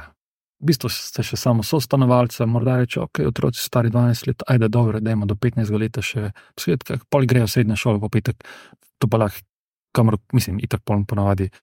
Eh, ni to problem več z menjavo osnovnih šol in tako. In, in je pač čistko, čist, eh, ne čutite nič drug, drug do drugega, sam tam sta, pa pač eh, upate, da si čim manj hodite po prstih. Ne? Zdaj, drago, terapeut, kdo je pa, kaj ali kdo je tvoj terapeut? Veš, kako je, eh, jaz sem poročen. Tako da to je. ja, veš, kako je, recimo, jaz včasih študentom rečem, ko. A, Celo boste zelo, tisti, ki ste že v partnerskem odnosu, boste zelo sočutni do vaših fantov, do vaših uh, možov ali pa do vaših žena, vaših partnerk. Uh, ker jaz sem tudi poročen s terapeutko. Uh, tako, v bistvu vsak terapeut mora iti skozi lastno osebno izkušnjo. Uh, tako da, tako, če se ti s terapijo ukvarjaš, itak da prej ali slej ugotoviš, da bi fajn bilo kakšne stvari sam, pa da sam pri sebi še poštimaš. Uh, veš, včasih pa recimo vidiš kakšne pare, ki pridejo na, na terapijo, na drugi stopnji, če bi zdaj tako rekel, ali pa še niti na blagi drugi stopnji, ampak čisto reči, veš kaj, mi dva smo prišla na eno tako rahlo, eno tako inventuro, uh, ne, neko bilanco bi rada malo naredila, čisto. Eno, dva, recimo, jaz, moja teza je, in se pripeljete, morda eno uro se vozite, sploh da pridete na terapijo, postane terapija, 50 minut, pa se še gresta uh, nekaj večerja, pa se še doma pravi, to je najni, najni, najni session, cel, cel popoldne, pa ne, cel dopoldne je najni. In čisto, in morda da malo še, kako bi rekla, malo um, komuniciranje izboljšava, malo to čustveno povezano. In pa si rečeš, pa se ti pari, v bistvu so pa menili en velik vzgled, spodbudo. In, uh, in v bistvu v takih parov, dosti krat rečeš ti, da bi, v bistvu, kdo je zdaj tle, komu bolj za vzgled. Tako da to je, recimo, še ena stvar. Morda bi izpostavil še to, ne, mi smo imeli, recimo, uh, jaz sem študiral na teološki fakulteti in mi smo imeli tam še takrat specializacijo, zdaj to izpopolnjevanje, magisterij, zdaj prva stopnja, človek in medosebni odnosi, doktorski študij, skratka od mature do doktorata. In mi smo tam imeli vsak teden štiri ure treningov. To nas je bilo v dveh skupinah, smo bili 15 študentov, 15 študentov, oziroma v moji generaciji nas je bilo še sem 15, ne? In to si bil štiri ure uh, tam, in si imel ženo, si imel otroka, si, ali pa ena, en semester si, si bil partnerski, partnerske terapije, in si bil vsak teden tam uh, na dveh stolih, je bil profesor, pa še en, pa še eh, študent, ki je bil tvoj kao terapeut, pa s tem profesorjem. In, so, in ti si bil vsak teden tam na stolu, ne vem, 40 minut, eh, se je to vedno posnelo, ti si doma, to, ta tvoj terapeut je to doma mogel vse eh, analize narediti. In uh, ti si bil pol svojim sošolcem, in ti, to si ponovadi po tistih štirih urah šel ven, rdeč korak, tako, vsak čez. Tako, Ta, mislim, tako je, je izjemno intenzivno, tako intenzivno in tam se ti vse živo odpre. Seveda, in potem te to zelo spodbudi. Ne? Če ti do takrat ni jasno, da moraš iti kdaj na terapijo, takrat je bilo zihar jasno. Ne? Tako da je bilo tako zelo intenzivno, to je ena stvar. Druga stvar je a, supervizija. Recimo, ne, ti se v odnosu z nekom lahko. Ne bomo rekel nujno, da se zaciklaš, ampak recimo, tako kot sem prej povedal, enega klienta ne razumeš in kot da si na, na, na, na mestu stojiš imaš občutek, da, ne da, da, ne, da se ne premaknemo. In greš ti se z nekom, ki je bolj izkušen, ali pa dosti krat je že to, da z nekom drugim, ki je, se pravi, tudi uh, profesionalno pač, uh, študiran teh stvarih in pozna in je tudi terapeut. Uh, da se malo pomeniš o teh stvarih, da, da dobiš tako, tako eno tako um, en pregled, tako je v bistvu. In, tam, veš, in, da, in to mora biti odnos, ker se res počutiš zelo sproščenega, kjer lahko o vseh svojih, o vseh svojih dvomih, o vseh svojih, če hočeš. Uh, Nekih če, občutkih, eh, ne, včasih se lahko počutiš nesposobnega, včasih se počutiš, vem, da nimaš pojma, včasih ne vem. Uh, te lahko se karkoli vprašaš, res strokovno sproščenega in te nekdo reče, ni panike, ok, da je to le tako, to je tako, tako. In da z nekom malo predebatiraš, uh, ker dosti krat je tako nekaj, kar eh, je lahko dosti samoumevno ne vidiš. Pomo, ko ti jo nekdo odzune, reče, pa rečeš, tega nisem videl. Ne? Kaj tudi, če ja. si omenil snemanje, da se ja. vi snema, ja. tudi vaše terapije ja. snemate, da recimo, bi recimo, lahko ja, vam ja, videl, kaj ja, ja, recimo, reagira. Recimo. recimo jaz, a, a, ko se ti izobražuješ, pa recimo, ko hočeš v kakšni modaliteti eh, narediti še licenco, ne? Ti moraš terapije snemati, ne se še pač izobražujem v emotional focus therapy, to so eni kanačani, američani. Eh, ti, recimo, terapije moraš snemati, eh, in potem eh, moraš, recimo. Reče, okay, kako si naredil ta pa ta, to fazo, kako si naredil to pa to fazo. In ti moraš terapije uh, snemati, in pa rečeš, ah, gledaj, v tej fazi, seveda, ti moraš kliente vprašati, dobiti soglasje, uh, potem prevesti to v tuji jezik, ne, podnapise, ne vem, uh, vse to. Uh, tako, in ti pa pokažeš temu supervizorju, in uh, ta supervizor potem, uh, recimo, vem, ko reče, ok. Zdaj si pa ti prišel do te stopnje, oziroma vidimo, da pač te pa te pa te stvari obvladaš, potem reče, ok, pač da zeleno luč, ne, in ti lahko pač ne, nek naziv oziroma ja, certifikat dobiš iz tega. Ne. Ker je ravno to je bilo, veš, recimo. V preteklosti je bilo tako, da ti prideš na kongres in ti razlagaš, ok, jaz terapijo delam tako, tako in tako. Ne. Potem so pa v preteklosti že ugotovili, da so ljudje v dobri veri razlagali, jaz delam terapijo tako in tako, ko je pa on posnetek pokazal, so pa rekli, to v nitko in tako. Pa, pa, pa ne, da bi nekdo kaj prikrival, ampak reče, da zato danes reče: ne, ne, ne ti govori, kaj ti počneš, pokaži ti, kaj počneš. In zato tudi, recimo, če greš ti danes na neke seminarje, na neke te kongrese v tujini, to so, to so posnetki, to so ali pa terapije tam v, v živo. Ne?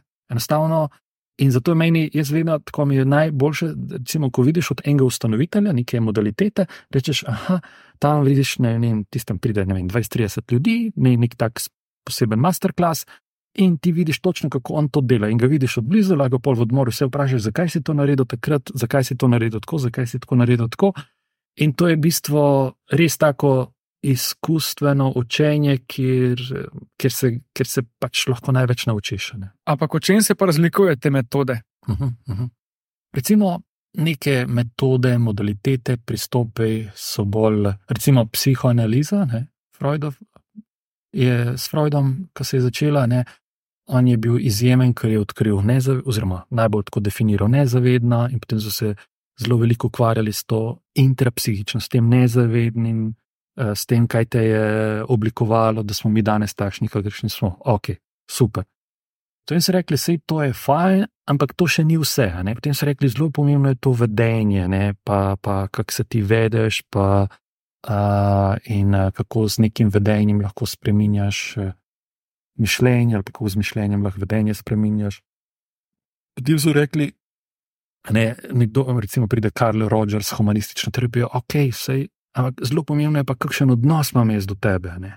Recimo, okay, če se jaz do tebe res korektno obnašam, pa se fajn obnašam, pa tako, boš ti morda lažje kakšne stvari naredil, kot uh, ne vem, če mi samo od tebe nekaj zahtevamo. Tako. In so zelo izpostavili tako, da se čutiš ti sprejetega, razumljenega. Tako. Potem uh, Uh, recimo, so prišli, ne vem, recimo, emotional focus terapijo in bodo rekli, da okay, čustva so zelo pomembna.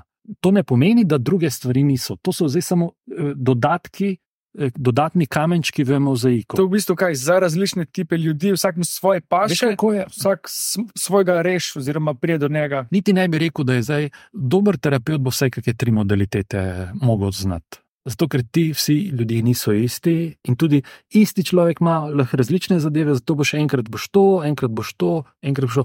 Sej, kot ti zdaj... so te modalitete za različne tipe ljudi in za različne ne, težave. Probavaš, naj jim poveš, kaj deluje. Okay.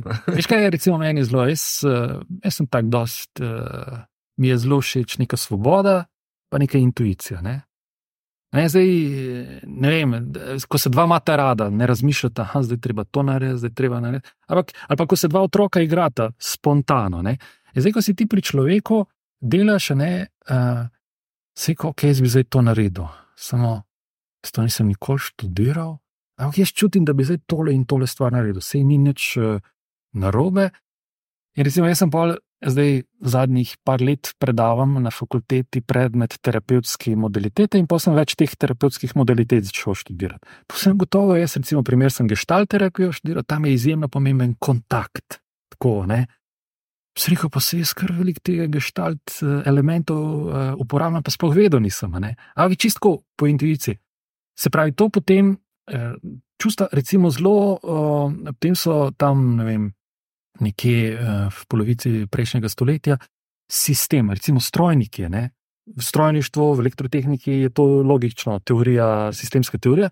Ko so sistemsko teorijo prenesli na področje psihologije, ko so začeli družino obravnavati kot sistem, da vsak na vsakega vpliva in da to treba, če mi hočemo eh, posame, enega otroka v družini razumeti, mi moramo razumeti vse odnose, ki jih ima ta otrok v družini, se je ta preboj naredil z družinsko terapijo. Ne? To so spet temu rečemo sistemski pristop. Ne?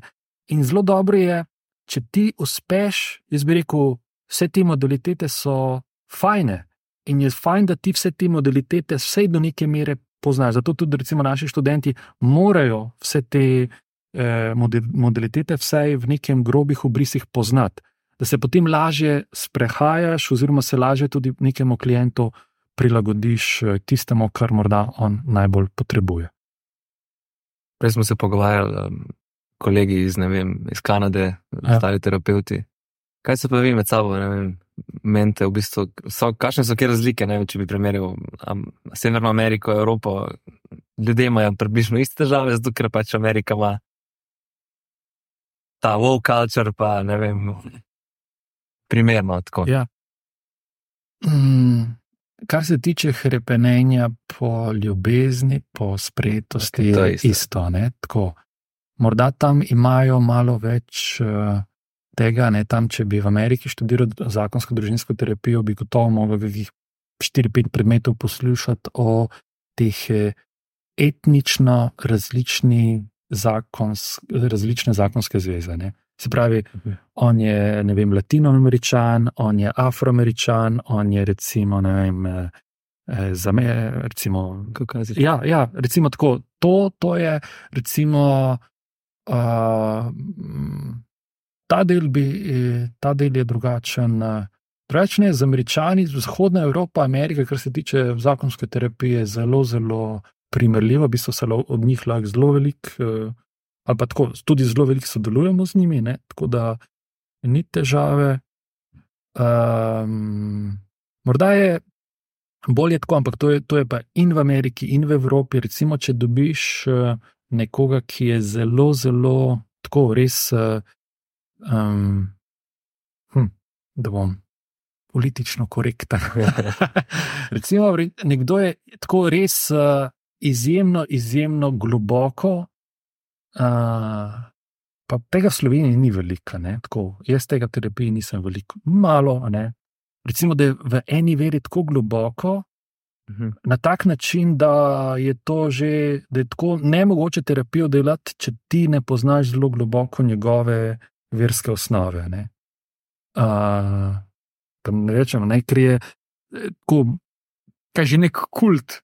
Ja, ampak pravim, jaz tukaj pravim, da ne bi kako politično nekorektno šel, ampak tako. Uh, uh, tega je mogoče v Ameriki več, ne? Uh, ker je, veš, če ti delaš vem, z mormoni, z emiši, z, z, vem, s kakšnimi uh, zelo fundamentalističnimi skupinami, ne. Uh, to. Um, Drugače, mogoče je več je tam sestavljenih družin. Aha, veš, kaj je morda razlika?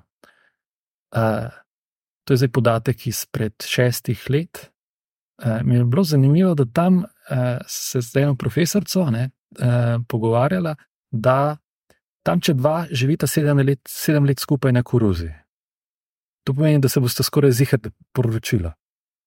Sem si rekel, če pri nas dva sedem let živite na koruzi, dva se skoraj zihar ne boste poročila. Ne? Tako, a ne? Tako da je morda so glede tega, tega ta, ne, to, eh, ta, recimo, mogoče so, imajo drugačen odnos do poroke, ne vem, so morda malo bolj sproščeni, ker se mi zdi, da v Sloveniji je bilo, ne vem, 40 let nazaj še veliko takih. Da ne bo pankrta v družini, da se bomo poročili, čeprav bomo naslednji dan šli v porodnišnico, ampak samo da bo to prej poročeno, da bo tako, da se lahko oddahnemo in gremo. Ne? In pol je naslednja generacija, pa tako malo, hej, halo, stop, ne nas siliti več v te stvari. Ne? Kaj pa uh, istospolni pari in terapije? A je drugačen pristop, pa so drugačni problemi, ali Mm. Si imel kaj zdi, s tem? Ja, jaz nekaj malega izkušenj imam, ne bom rekel, da imam veliko, imamo pa tudi uh, v naših vrstah terapeute, ki so uh, istospolno usmerjeni in uh, zelo dobro delajo. Tako, in se mi zdi, da tudi potem ti pare lažje grejo k takim, a ne, ker se tudi mogoče počutijo bolj uh, razumljene, slišane. Zdaj, kaj je zanimivo, tle je izjemno veliko senzibilnosti. ne, Tako, a ne, dva moška ali pa dve ženske. Ne. Kar je bilo za me morda tako, uh, kar je meni dalo veliko zamisliti. Ne? Ker zdaj, uh, jaz prvič nisem ekspert za ta področje. Ne? In zdaj, veste, a je zdaj nekdo homoseksualec ali pa lezbika, ali pa je morda celo biseksualec. In zdaj, kaj se zgodi? Dve ženski sta para. Ena lezbika, ena biseksualka. Recimo, no, ali, pa recimo, ali pa včasih, ne? Včasih je morda bila uh, s kakšnim fantom, a ne, pol je ugotovila, da morda, ne vem, je pa morda bolj ta lezbični del pride na plan. Ampak recimo, oni dve sta zdaj skupaj, ona gre v službo, ona se sodelavce pogovarja. V tem smislu lahko se zgodi, da s komerkoli se bo ona pogovarjala, bo druga stran lahko malo negotovo. Tako, ja, ja. A ne, tako, če si tako, sem jaz, to sem rekel, ok, tole so pa take zelo specifične stvari. Pa tako se mi zdi, da a, morda je ta skupina ljudi, ki je. A ne pač uh, morda. Mm, Bolj čustvena, kaj. Uh, ok, prvič, v preteklosti so bili manjšina, ali pa so še danes manjšina. a ne. Uh, kot manjšina, veš, da je vedno malo težko. ne. Uh, in uh, veliko teh ljudi je takih, da ne želi biti izpostavljenih.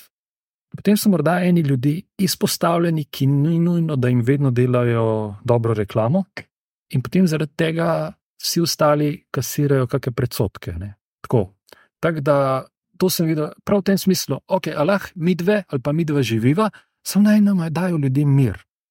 Tako, mi dva nikomor nič nočeva, mi dve nikomor, sam dajte nam mir.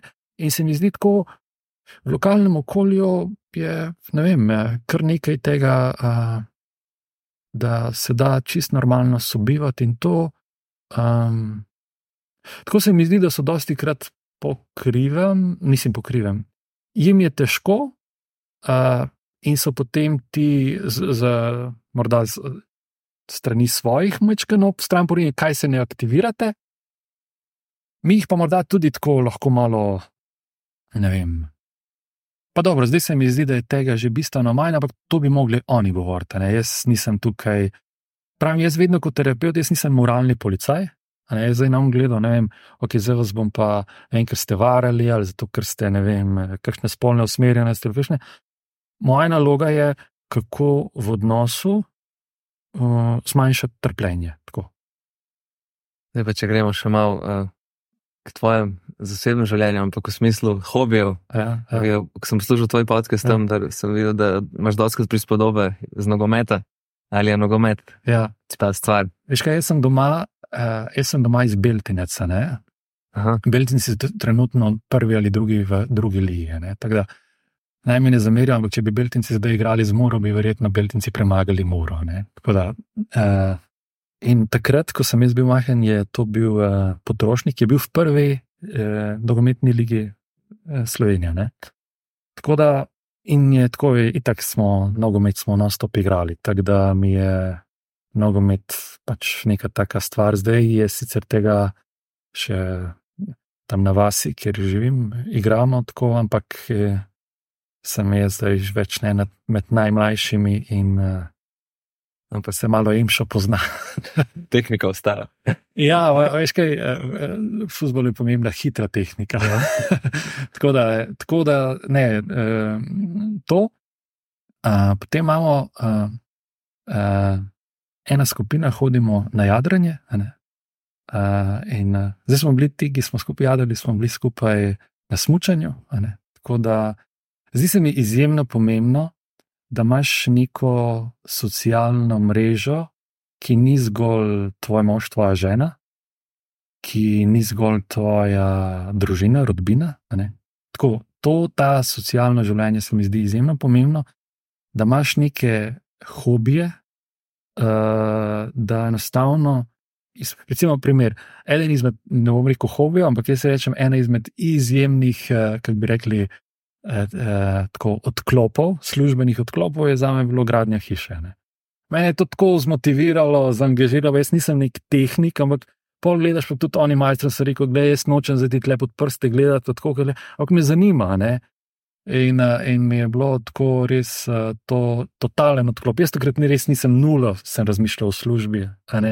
Tako da zdi se mi, in takrat seveda, takrat nekih velikih hobijev, drugih tisto leto ali dve nimaš. a ne. Tako da to, um, kaj bi še rekel? Hribe, dobro, hribe, hribe. Recimo, bili smo, zdaj, par dni nazaj smo pa šli peš na višarje gor, Mhm. tako iz gore do vrha in super. Ja, povej. Že, že dosti sem imel kolegov v domu, ki Ja. ja. so bili iz, iz glave Slovenije, pa mi je najbolj všeč, kako lahko vi prešaltate dialekt iz svojega v fol, zelo lepo slovenščino. Ne vem, ali to vi se morate pač potruditi, ker drugače boš najbolj Če ne, zastopal. noben nas ne razume. Ja. Ne, mislim. Uh, veš, kako je? Uh, jaz svojo ženo gučim po prekmorski. Uh, ker je fajn, da se ti v maternem jeziku pogovarjaš z nekom. To je čustveni jezik, takrat si ti najbolj pristen in dostopen do sebe. In tako. To je ena stvar. Druga stvar je, recimo, prekmorca boš najprej prepoznal po vokalih. A ne, recimo jezero ali pa jezero. Ne, recimo, samo zato je dobro, jaz sem srednjo šolo že hodil v ta konc, tako da je morda, če ti greš puberteto, daš skozi v nekem tem okolju in pa imaš Uh, Tako da, čeprav jaz govorim eno tako spakedraščino, pa bi želel neko fajno knjižno slovenščino govoriti, pa mi ne uspe. Uh, uh, drugače je pa to, ja, tako kot si rekel, ne pač vidiš obraz in preklopiš avtomatično. Ne vem, je pri vas podobno. Ne. Dobro, pa dobro, vi, če pridete v Ljubljano, vas vsi razumejo, čistko. Ja, sem, mislim, zihar sem to opazil, zelo opazil pri svoji mami, malo, Ja. ko se pogovarja s svojo sestro, pa Ja, prej z mojo pokojno babico. ja, ja. Pač Tu je, kot da bi klikar prešal Ja, to. ja, Ja, pač ja, ona ja. začne po to podgursko zavijati, in je se tam gledal. No, pač, ej. To je tukaj. ja, Aha, Aha, ja, okej. pač, pa, ko pač se neha pogovarjati, ne pač prekine telefon in pa spet Ne, se to je. cool, knjig, Ja. ja. sem knjižno. Pač, Za me normalno, ne, ja, ja, se ponavadi ja, govori. ja, ja. Prijavi s tem, ker pač se pogovarja z, oziroma se pogovarja z, z mamo ali pa sestro. Mm, mm, mm. Vse so isti, pač te, ti klikari. Ne. Ja, ja, ja, ja. Neč bomo počasi zaključili. Zdaj, jaz na rač imel še eno par vprašanj. Ja. ne. ja. Prej nisem uspel, ker so bili tako. On je hotel zaključiti. Ja, na oni strani so bili zelo um, tako. Ona Uh, dva sta bolj angažirana za terapijo. Tako, ne, pa pač- zanima. te. Težko pa tle se neko not vključen, ne, Ja, ker sem ja. tle zbogala. Ti jo več kot očitno ne potrebuješ. Ne? Hvala. um, se pravi, prvo vprašanje, ki sem ga imel pisal zelo, zelo na začetku, uh, omenil si, recimo, je žena prepeljala moža, pa rajh moškim terapeutu. Kakšen je mogoče nek okviren proces? Prav, večino vsaj veš pridem, da ženske te, ki so pobudnice. Ali, ja, pač je to res zelo očitno, da so ženske pobudnice, ali je včasih pol pol, oziroma pač oba rečeta, so skupaj prišla, se je skupaj odločila. Uh, ja, večji del so ženske, s tem, da morda to, ko na začetku ne, mlajši, pri starejših parih bo verjetno prej ženska napisala mail. Ne. Pri mlajših parih pa ni zgolj, niso zgolj ženske, ne, so tudi moški. Zdaj pa pri prevarah pa je ponavadi, eh, dosti krat napiše tisti, ki je varo, ker je na nek način. Uh, uh, je še to edino upanje, da bi ona dva skupaj ostala. Oziroma, tisti, ki je bil prevaran, je rekel, zdaj pa adijo, ali pa hm, bo kaj tle naredila. ne, Tako Tako da to, v bistvu oni ponovadi, jaz, jaz uh, ko imam, da pač komuniciram sam po mailu ne, in napišejo mail, uh, se dogovorimo za prvo srečanje in uh, pridejo in potem to poteka.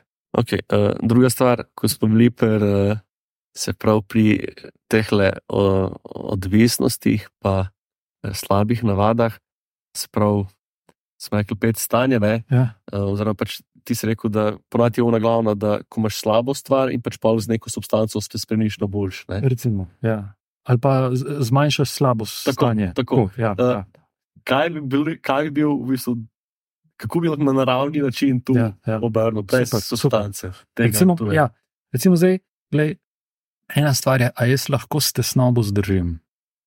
Preprosto, a ne čist pre, tako. Uh, sem, uh, se ne počutim fajn in si rečem, let it be, zgodi se, naj bo.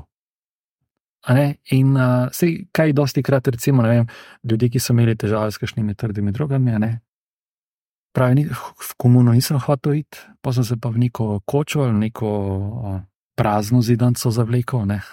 Uh, in sem tam pač en teden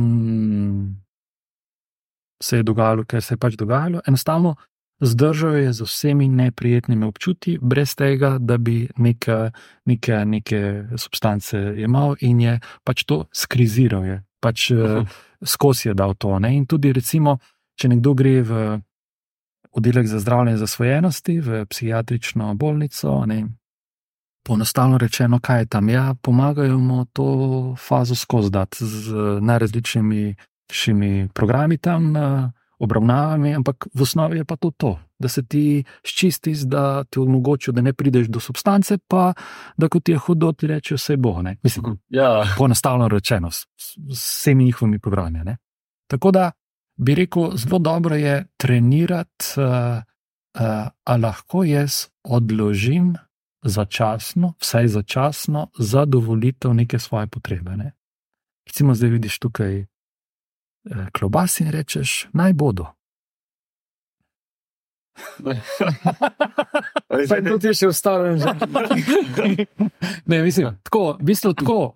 In je recimo, danes je veliko govora o mindfulnessu, o čuječnosti, o meditaciji. Je prav tisto, ali lahko jaz se ne borim, ne odrivam občutja stran. Ne? Ker dosti krat je, kaj je, nekdo se počuti straga, je, ne vem. Eh, in včasih so rekli, rum za pogum. Da je štamparle, da je bolj pogumen. Ja, ok, kaj zdaj to pomeni? Dajmo strah potlačiti stran. Ali pa, jo, meni je nerodno iti ono punco govoriti. Se pravi, malo nelagodnost ali pa mogoče en sram, ga z alkoholom spiješ, pa pa greš. In zato je ok, ali lahko jaz si dovolim ta strah čutiš, to nelagodnost, tudi če hočete, da je sram, tudi žalost. Ne? Uh, tako, ali, lahko ali pa z nekim neuspehom, lahko jaz zdržim. Ok, tako. In se mi zdi, to je ena taka uh, zelo pomembna stvar, zdržati stvari. Uh, to ne pomeni zdaj neko trpinčenje, kar tako, ampak glej, če to pride, naj pride, ker pol, pol se tudi več, a veš, ali pa v življenju. Jo, jaz pa ne želim, da bi se moji družini to zgodilo, pa ne želim to, pa ni to. Glej, nimaš kontrole, kaj se bo zgodilo. Jo, meni je full strah, če me bo zdaj pustila. Mislim, sej vem, da je to zelo poenostavljeno tako reči, ampak ok, nimaš kontrole nad tem? Ti lahko 50% oddelaš, uh, nimaš pa kontrole, kaj bo drugi človek naredil. In enostavno živiš uh, ta čar ali pa, če hočeš, tudi to tragično življenje in, ga, in je morda čar v tem, da ga čim bolj polnokrvno, v dobrem in slavem. A ne. Imaš še kaj? Še eno, še Okay, zadnjo. pa, da jaz bi zadnja, pa ti Okay, okay, Izmisel zadnjo malo. Ena okej. beseda po mojem, ampak dobro. Uh, Vsaj nekje. se pravi, Ta je dobra. uh, se pravi, omenil si, da je tudi uh, žena terapeutka, Ja. pa zdaj.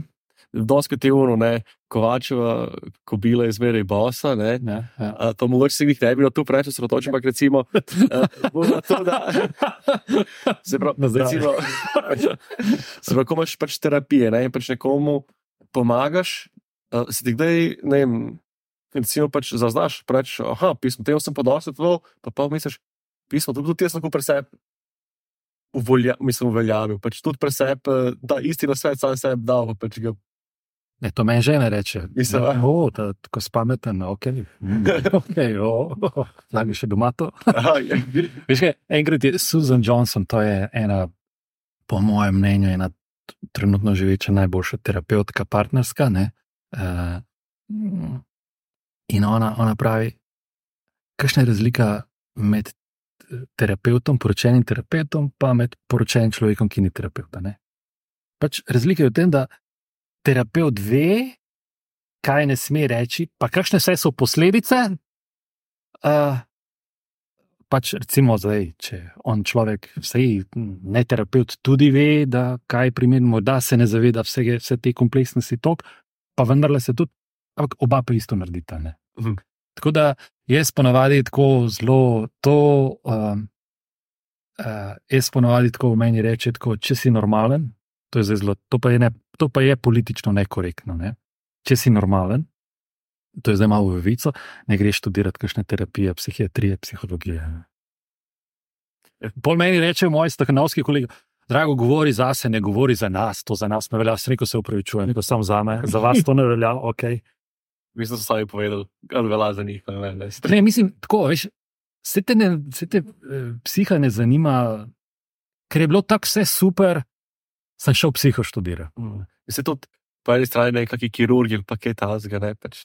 Neke trame so tu jih ni najbolj, ne tam, vzemo pa enega razreza, no, bi se pač, ja, mislim, sam, sam, sam pač, uh, Ja, pač ja, ja. ideja za tem, zobarji. da nekomu rešiti življenje, pa tu ne, pač je, ampak po mojem nek je odpor do tega, da pač pa Morda še to bi rekel. začeti. No. Recimo, enkrat eh, sva bila že na enem kongresu v Ameriki in je bilo zanimivo, da tam veš, pridejo ljudje, kdaj si začel ti študirati terapijo. Ja, ko sem se prvič ločil, zdaj pa ti, jaz, ko sem se drugič ločil. Ne, A, okay, okay. okay. Tako v redu. in to ljudje taki, full eh, renomirani, ne, sicer zdaj že vsi stari tam 70, plus, ampak tako rečeš, aha, ok. tako da je nek, uh, uh, uh, jaz se včasih hecam, ne, ko sem videl ženo začela v celju delati, ne, uh, je mi soseda reče, drago, uh, a veš, v, v celju pa tudi eni imajo en uh, družinski, eh, oziroma uh, psihoterapevtski sen, se reko, a res, pa fulj z enim takim navdušenjem, ne, ko. Pa reče, a ok, kater pa, pa reče, ja, tak družinski inštitut bližina. aha." Se reko, ja, se to mi da ženo vodijo, pa bo neko, a ja. In pol Včasih študent to reče čistko, ne. Pač jaz nobenim tam ne bom razlagal sosedom ali pa ne vem tako, ne vem pa.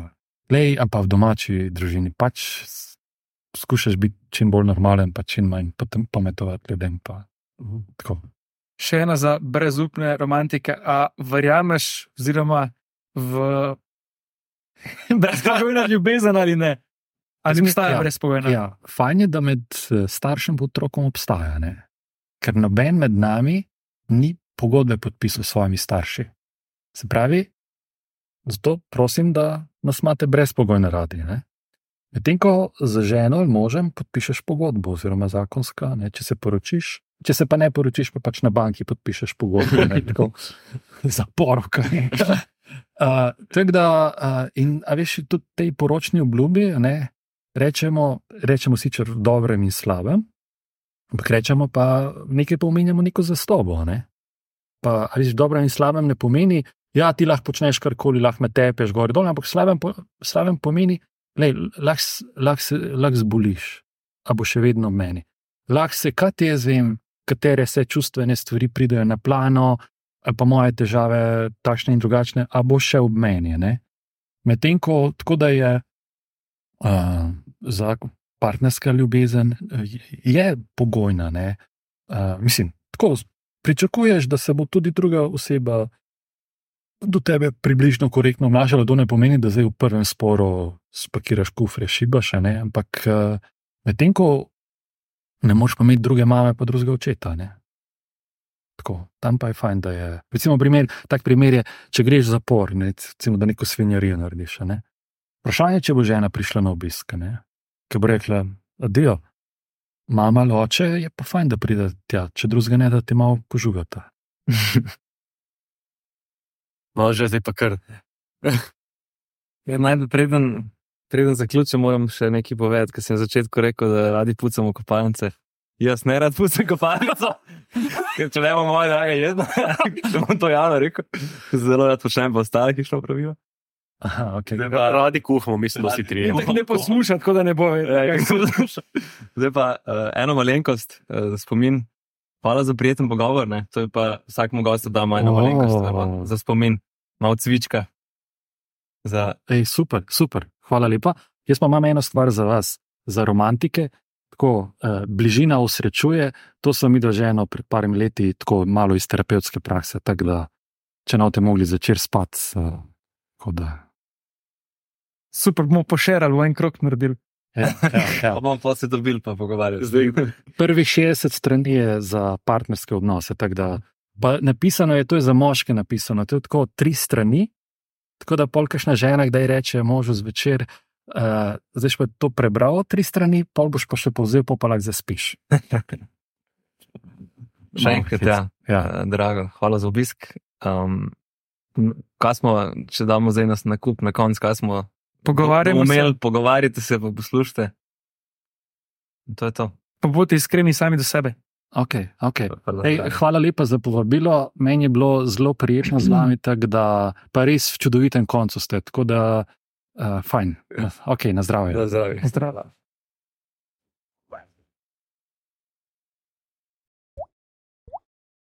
Južk, sod te pušča. Južk.